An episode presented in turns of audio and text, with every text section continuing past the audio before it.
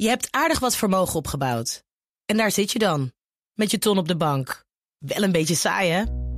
Wil jij, als belegger, onderdeel zijn van het verleden of van de toekomst? Bridgefund is een slimme fintech die een brug slaat tussen de financiële behoeften van ondernemers en van beleggers.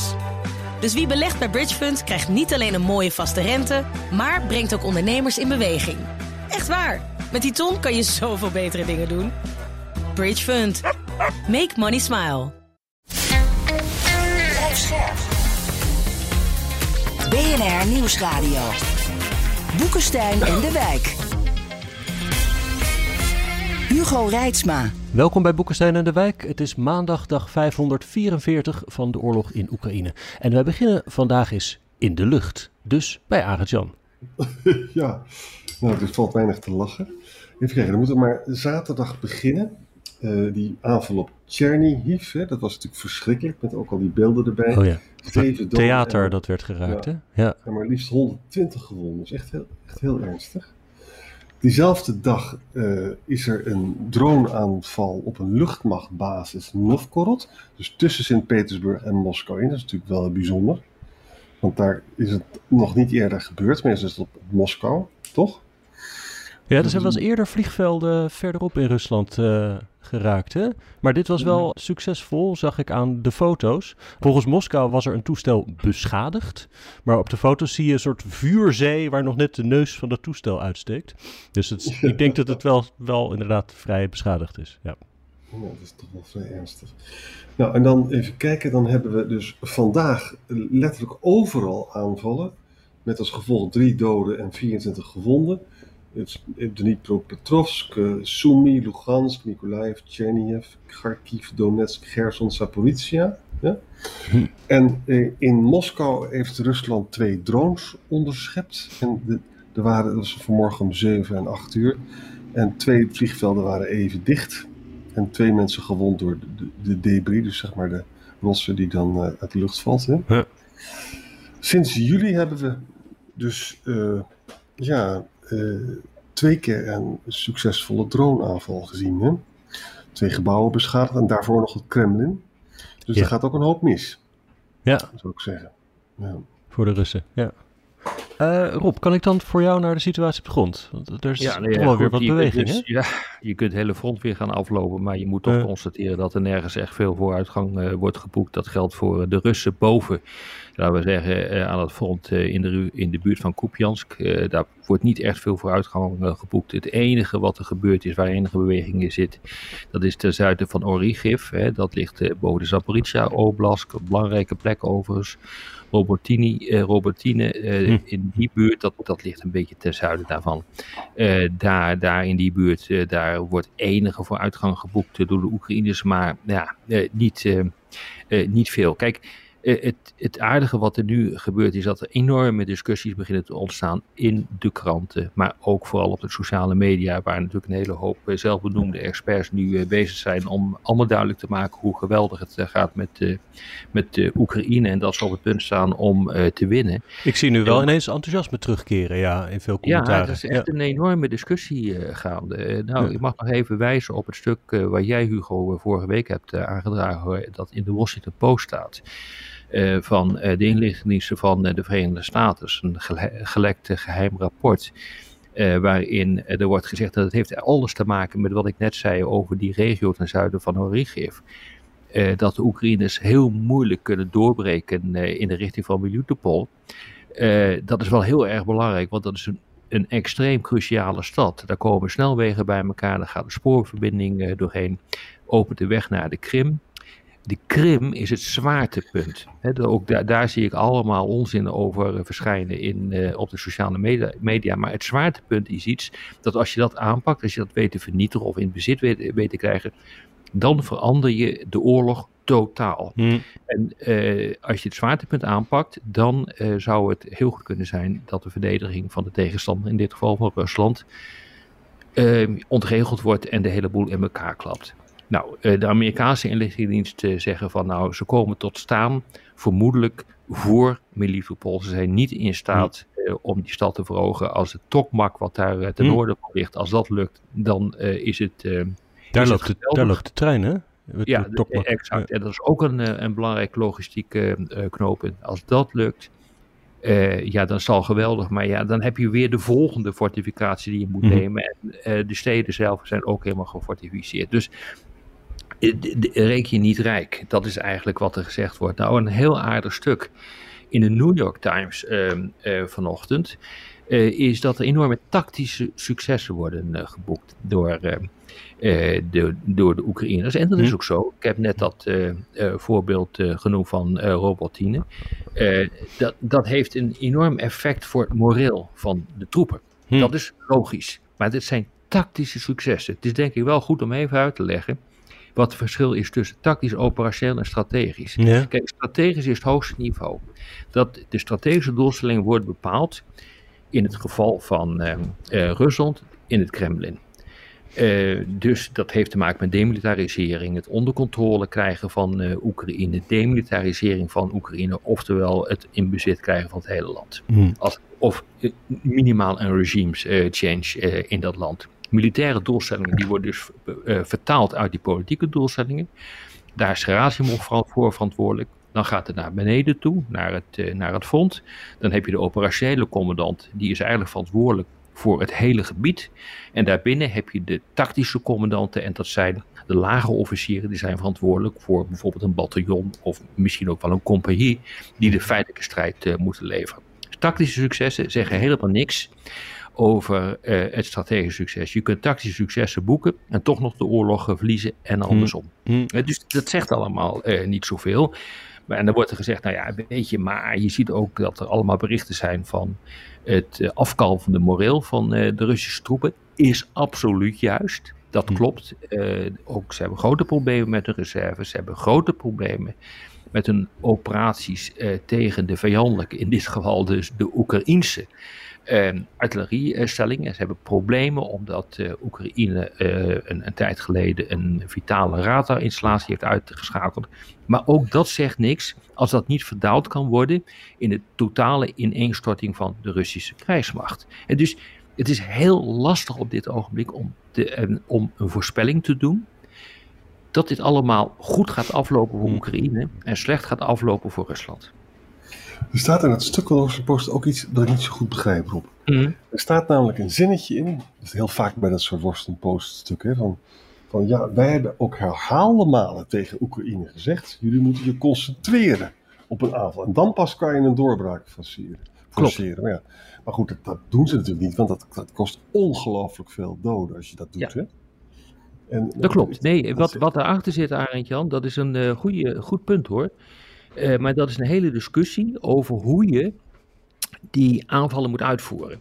Hè, er uh, zijn allerlei wargames uh, gedaan. dat zijn eigenlijk droogoefeningen. Ik heb er hm. zelf ook wel een keer aan meegedaan. Dan zit je eigenlijk gewoon aan een tafel. Uh, en je ziet hoe de slagorde is. En vervolgens ga je bedenken: oké, wat zouden we nu kunnen gaan doen? En dat kun je doen door middel van computersimulaties. Je, je, kunt het ook op een andere manier doen. Dit is al zo oud als de wereld, dus je gaat het doorrekenen wat er zou kunnen gaan gebeuren. Een van de dingen die uit die uh, wargames kwamen tussen de Britten, de Amerikanen en de Oekraïners, is dat um, Oekraïne eigenlijk zou moeten doorbeuken. Dus je beukt net zo lang op die stellingen tot je er doorheen bent. daarvoor hebben ze uiteindelijk niet gekozen. Ze hebben ervoor gekozen om dat niet op die manier te doen, omdat dat onwaarschijnlijk veel slachtoffers kost. In uh, het begin van uh, de grote operaties, het offensief, dat nu inmiddels al twee maanden aan de gang is, moet je constateren dat de Oekraïners heel veel hebben verloren. Heel veel tanks, heel veel uh, gevechtsvoertuigen, heel veel manschappen.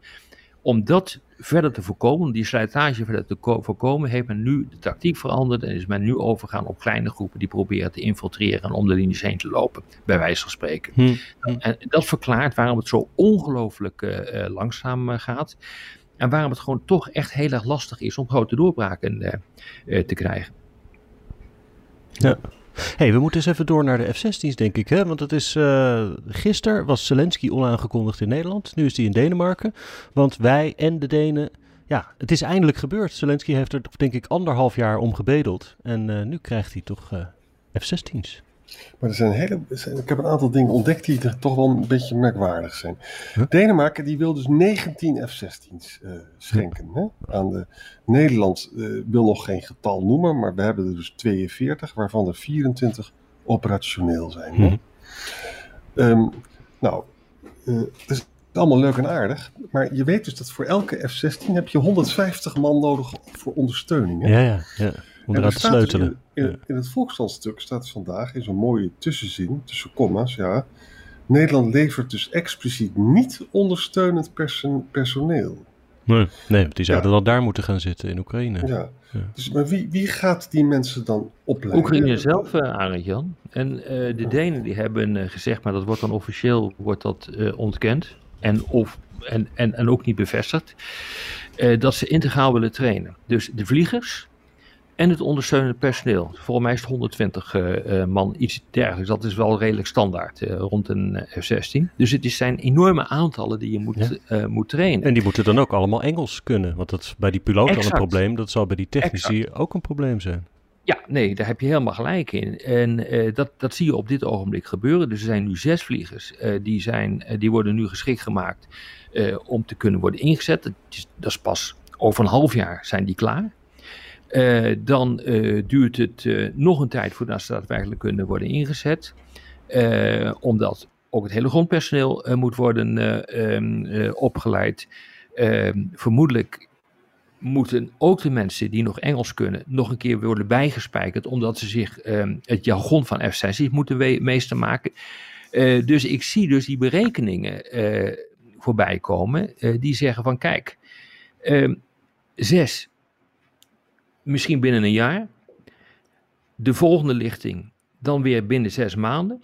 Dus je, bent, je begint een beetje op stoom te komen eind volgend jaar. De Amerikanen hebben al gezegd, nou ja, we kunnen eventueel wat bijspringen eh, als dat nodig is. Eh, want die kunnen namelijk 400 vliegers per jaar opleiden. Maar die hebben ze zelf ook nodig. Dus je zit echt met een geweldig probleem. Je zit ook met een probleem van opleiders. Het gaat niet alleen om de Engelse taal, maar het gaat natuurlijk ook om het feit dat je vliegers nodig hebt om vliegers te kunnen opleiden. Ja, die moet je weer ergens anders aan onttrekken. Dus dit is echt wel een hele, een hele inspanning hoor. Ja. Dat zijn hoogopgeleide mensen die in die 120 uh, man team Zeker. zitten. Zeker, dat zijn technici. Ik bedoel, ik ben er wel eens geweest bij zo'n F-16 uh, uh, eenheid, zo'n squadron. Ja, weet je, dat, dat, dat, dat is technisch zeer geavanceerd. Ik bedoel, uh, daar zit van alles in, van meteorologen tot, uh, tot technische, tot, uh, tot technici, tot. Alles zit, alles zit daar gewoon in. Ja, en ik zag om de verhouding even te bekijken dat de inschatting is nu dat Oekraïne iets van 100 gevechtsvliegtuigen heeft. Ongeveer net zoveel ja. als waarmee ze begonnen aan de oorlog. Omdat ze natuurlijk wat van die oude MIGs uit het Oostblok hebben gekregen. Maar dus ja, dan, dan 10 of 20 toestellen erbij. Dat maakt het verschil nog niet. Nee, dat maakt het verschil echt, echt niet. Uh, en realiseer je ook dat de beste piloten, die worden niet ingezet op de F-16. Want die beste ja. piloten moeten nu vliegen. Ja, ja, ja. ja. En, dus daar zit ook al een geweldig uh, uh, probleem. Dus die, de, de luchtmachtcommandant, uh, Oleszek Sjoek, als ik het goed zeg, die zegt van die F-16's, die moeten ervoor zorgen dat wij tegen de Su-35 kunnen optreden. En als de Russen pakweg 2 tot 5 procent verliezen van die vliegtuigen, dan zullen ze waarschijnlijk uh, uh, zich veel terughoudend gaan opstellen. Ja. Nou, ik weet niet of het waar is. Hm.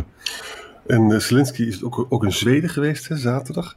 En daar heeft hij dus gevraagd om Saab Grippens, maar dat is nog niet gebeurd, want die Saab Grippens zijn nodig om de grens met Rusland te verdedigen. Ja, ja, ja. maar wat je, waar ben je mee bezig, jongens? Standaardiseer dan op F-16's.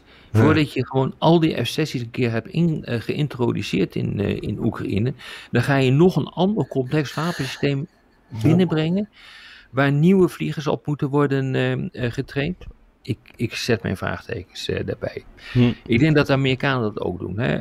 Um, ja, ik weet niet wat jullie ervan denken, maar ik vind het wel een, een teken aan de band dat de Amerikanen dit aan de Europeanen overlaten. Hm. En uh, ik denk dat dat te maken heeft met het feit dat je continu uh, uit Amerikaanse bron hoort. Uh, dat de effecten van die inzet van die F-16 tamelijk gering zijn. Althans, dat is de inschatting van de Amerikaan. Dus ehm, ja, als ik het zo lees, dan, eh, dan lees ik het als van, nou die Europeanen, als dat zo graag willen, dan doen ze het maar.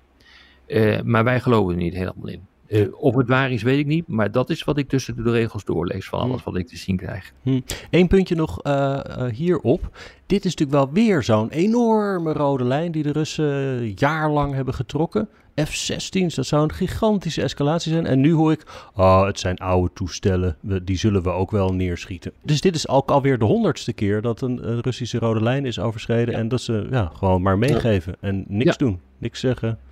Boah. Ja, maar als je een jaar geleden deze rijen had uh, overschreden, dan had je waarschijnlijk een geweldige escalatie ge gekregen. Dus iedere keer zie je, en dat is gewoon standaard, en dat is ook de reden waarom de Amerikanen dit zo lang hebben getraineerd. Kijk uit met wat je doet. Check in wat, uh, of check wat uh, de, de tegenstander zal kunnen gaan doen.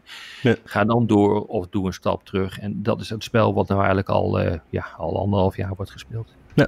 Hey, we moeten even door naar de politiek, want we hebben de BRICS, we hebben Camp David. Uh, Arjan, mag ik jou eens even uh, voor een vooruitblik op die belangrijke BRICS-vergadering horen?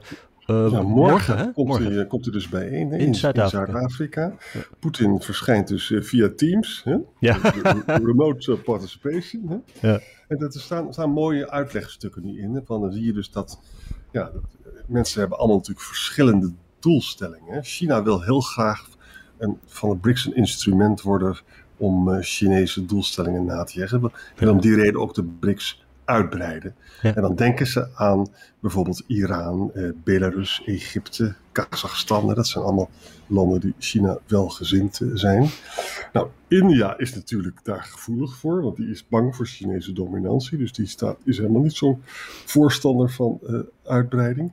Hm. Rusland zelf, die wil vooral demonstreren dat het nog steeds heel veel bondgenoten heeft. Dus hm. dat, Poetin moet het via Teams een beetje handig spelen. Hè?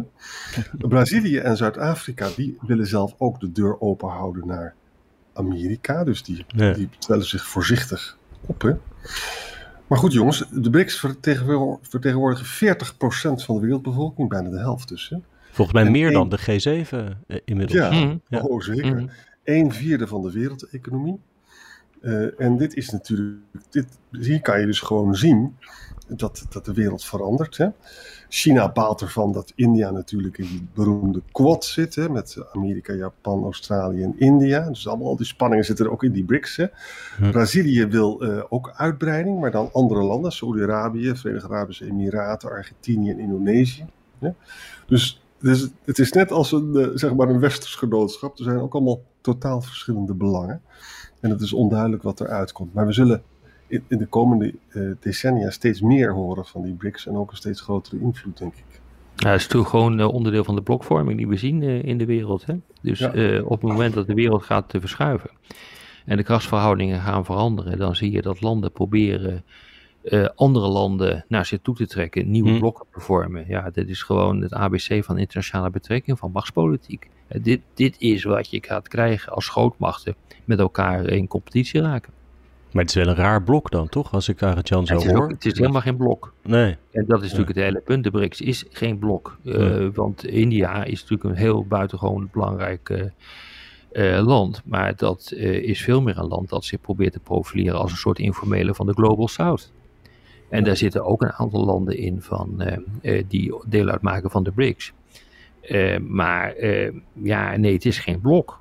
En de Global South, vroeger de niet gebonden landen, dat is ook geen blok. Dat, dat gaat allemaal uitkristalliseren de komende jaren, misschien wel ja. decennia. Ja, interessant.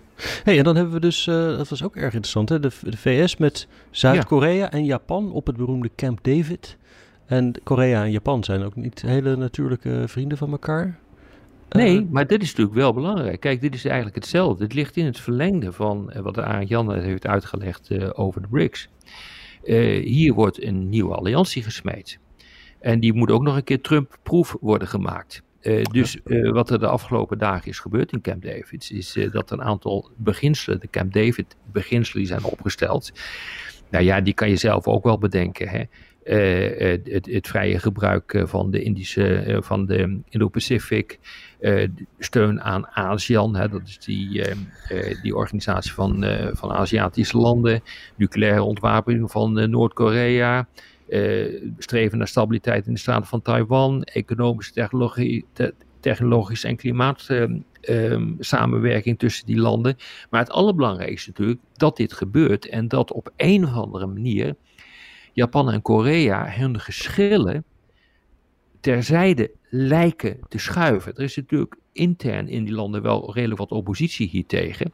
Uh, want die animositeit is niet weg. En dat gaat natuurlijk, nou ja, dat hoef ik niet uit te leggen, terug uh, tot uh, de Japanse bezetting van Korea in, tijdens de Tweede Wereldoorlog. Maar het feit dat het nu gaat gebeuren, ook dat is logisch. Want als je dus een grote tegenstander hebt, dan zijn voormalige tegenstanders weer bereid om met elkaar te gaan, te gaan samenwerken. Maar wat je hier nu ziet, en ik denk dat dat het meest bijzonder is van deze samenwerking, is, is dat er een commitment nu is tussen die drie landen. Uh, er wordt nu voor gezorgd dat er uh, ook een, een, verplichting is om te consulteren. Althans, een zelf opgelegde verplichting om te consulteren tussen de drie. Er komt een hotline tussen de drie. En je ziet dus dat er een, een in, poging wordt gedaan om dit institutioneel, deze, uh, deze samenwerking te verankeren. En die institutionele verankering, die moet deze samenwerking Trump-proof maken. Dus eigenlijk heeft China, dit is allemaal tegen China gericht natuurlijk. Hè? Ja. En China heeft dus ontzettend weinig bondgenoten in de, bij de buurstaten. Hè? Ja. Want het, het, het, het, rijtje wat ik net opnoemde, ze willen dus graag Iran, Belarus, Egypte, Kazachstan erbij. Maar goed, dat is allemaal verderop en ja. ook, ook, niet zo verschrikkelijk belangrijk. Hè? Dus het is, dat, daar moet China wel van balen. Dat, uh, ja, ja, Quad is, natuurlijk, is ook een ramp. Ja. En, uh, ze, ze hebben wel weer uh, hun, hun, hun spierballen laten rollen. Uh, want uh, tegelijkertijd met dit uh, bracht de vicepresident Lai een bezoek aan Paraguay, een van de weinige landen die nog diplomatiek op één lijn zit met, met Taiwan. Ehm, en uh, die heeft een stop overgemaakt in de Verenigde Staten. En ja, dat wordt natuurlijk weer gezien als een nieuwe provocatie door China. Mm. Mm. En uh, Lai die duwt, die duwt Taiwan naar de rand van de oorlog. En nou ja, dat heeft er weer toe geleid dat er weer grootscheepse oefeningen zijn ge geweest. Oefeningen tussen aanhalingstekens. Maar om de kracht van ja. China te laten zien van we pikken er niet 42 vliegtuigen. 26 vliegen dan over die beroemde mediaanlijn. Hè, dat is de bedenkbeeldige grens tussen Taiwan en mm. het Chinese vasteland. Ja, weet je, dus um, er wordt nu, dit wordt nu gekoppeld aan uh, het bezoek van uh, de vicepresident van Taiwan. Maar het heeft natuurlijk denk ik ook alles te maken met die Camp David uh, besprekingen. Ja. ja. Eén puntje nog, voor we uit de tijd lopen. Arjan, je had ook goed nieuws hè? Eindelijk eens een keer voor ons. Ja, dat, dat, heel bijzonder eigenlijk. De, in de EU had we met elkaar afgesproken van we moeten, 1 november moeten we 90% van onze gasvoorraden vol hebben. Dat hebben ze nu al gehaald. Oh. Uh, en, en tegelijkertijd is de gasprijs is gedaald. Ja. Dus ze hebben ook geen premie betaald voor het feit dat ze voor de winter al klaar zijn. Ik vind ja. het eerlijk gezegd ja, wel fantastisch. Ja, dat is echt wel een. Uh, wie dat ook gedaan heeft, dat is een felicitatie waard hoor, dit. Ja. Mm. Betekent dat je dus niet meer gechanteerd kan worden. Hè? We zijn gewoon van het Russische gas af. Hè? Zeker. Ja, want dat is eigenlijk gek hè, dat de prijs daar dan niet op gereageerd heeft. Want vorig jaar zijn de gasopslagen ook op tijd gevuld. Maar ja, tegen een recordprijs. Waarom is de prijs dan nu niet door al dat vullen omhoog geschoten? Zouden we eens moeten vragen. Hij is trouwens niet heel erg laag volgens mij hoor. Nee, ja, we zouden nog een keer moeten vragen aan een echte expert. Ja. Die ja, echt verstand heeft van gasprijs. Die echte experts zeiden een maand geleden dat het toch weer 40% was gestegen. Dus dat was wel ja. behoorlijk hoog. Maar het schijnt nu een beetje gedaald te zijn. Dus we betalen nog steeds wel een premie hoor. Dat is een beetje overdreven wat in het ja. stuk staat. Nee, maar ik weet maar nog dat wij in de uitzending vorige winter zeiden van... nou, nu lijkt het goed te gaan, maar volgende winter misschien nog wel een groter probleem. Ja, dat is dat dus gewoon dat hebben we gezegd. En dat, dat heeft te maken met het feit dat heel veel experts, maar ook heel veel regeringen dat gewoon zeiden. Ik bedoel, hoeveel ja. ministers van uh, energiezaken we uit de Europese Unie wel, wel niet hebben gehoord die dat gewoon gezegd hebben. Maar ja, weet je, Kijk, als de nood aan de man komt, uh, dat is natuurlijk wel zo, zeker in democratie, dan gaat er wel wat gebeuren. Hè? Er is dus gewoon echt wat gebeurd de afgelopen uh, uh, maanden. Dus dit is ook een nationaal belang om dit voor elkaar te krijgen, want anders ga je economisch gewoon kapot. Ja. En dan krijg je enorme sociale onrust. Het, dus de regeringen hebben een geweldig, een geweldige incentive, een geweldige prikkel om keihard er tegenaan te gaan met, met, met de oliemaatschappij. En dat is gewoon gelukt. Ah, ja, mooi. Met dat kleine beetje goede nieuws sluiten we dan meteen maar snel af. Dank voor vandaag. Ja. En tot morgen. Tot morgen. Je hebt aardig wat vermogen opgebouwd. En daar zit je dan, met je ton op de bank. Wel een beetje saai, hè? Wil jij, als belegger, onderdeel zijn van het verleden of van de toekomst? Bridgefund is een slimme fintech die een brug slaat tussen de financiële behoeften van ondernemers en van beleggers. Dus wie belegt bij Bridgefund krijgt niet alleen een mooie vaste rente, maar brengt ook ondernemers in beweging. Echt waar! Met die ton kan je zoveel betere dingen doen. Bridgefund. Make money smile.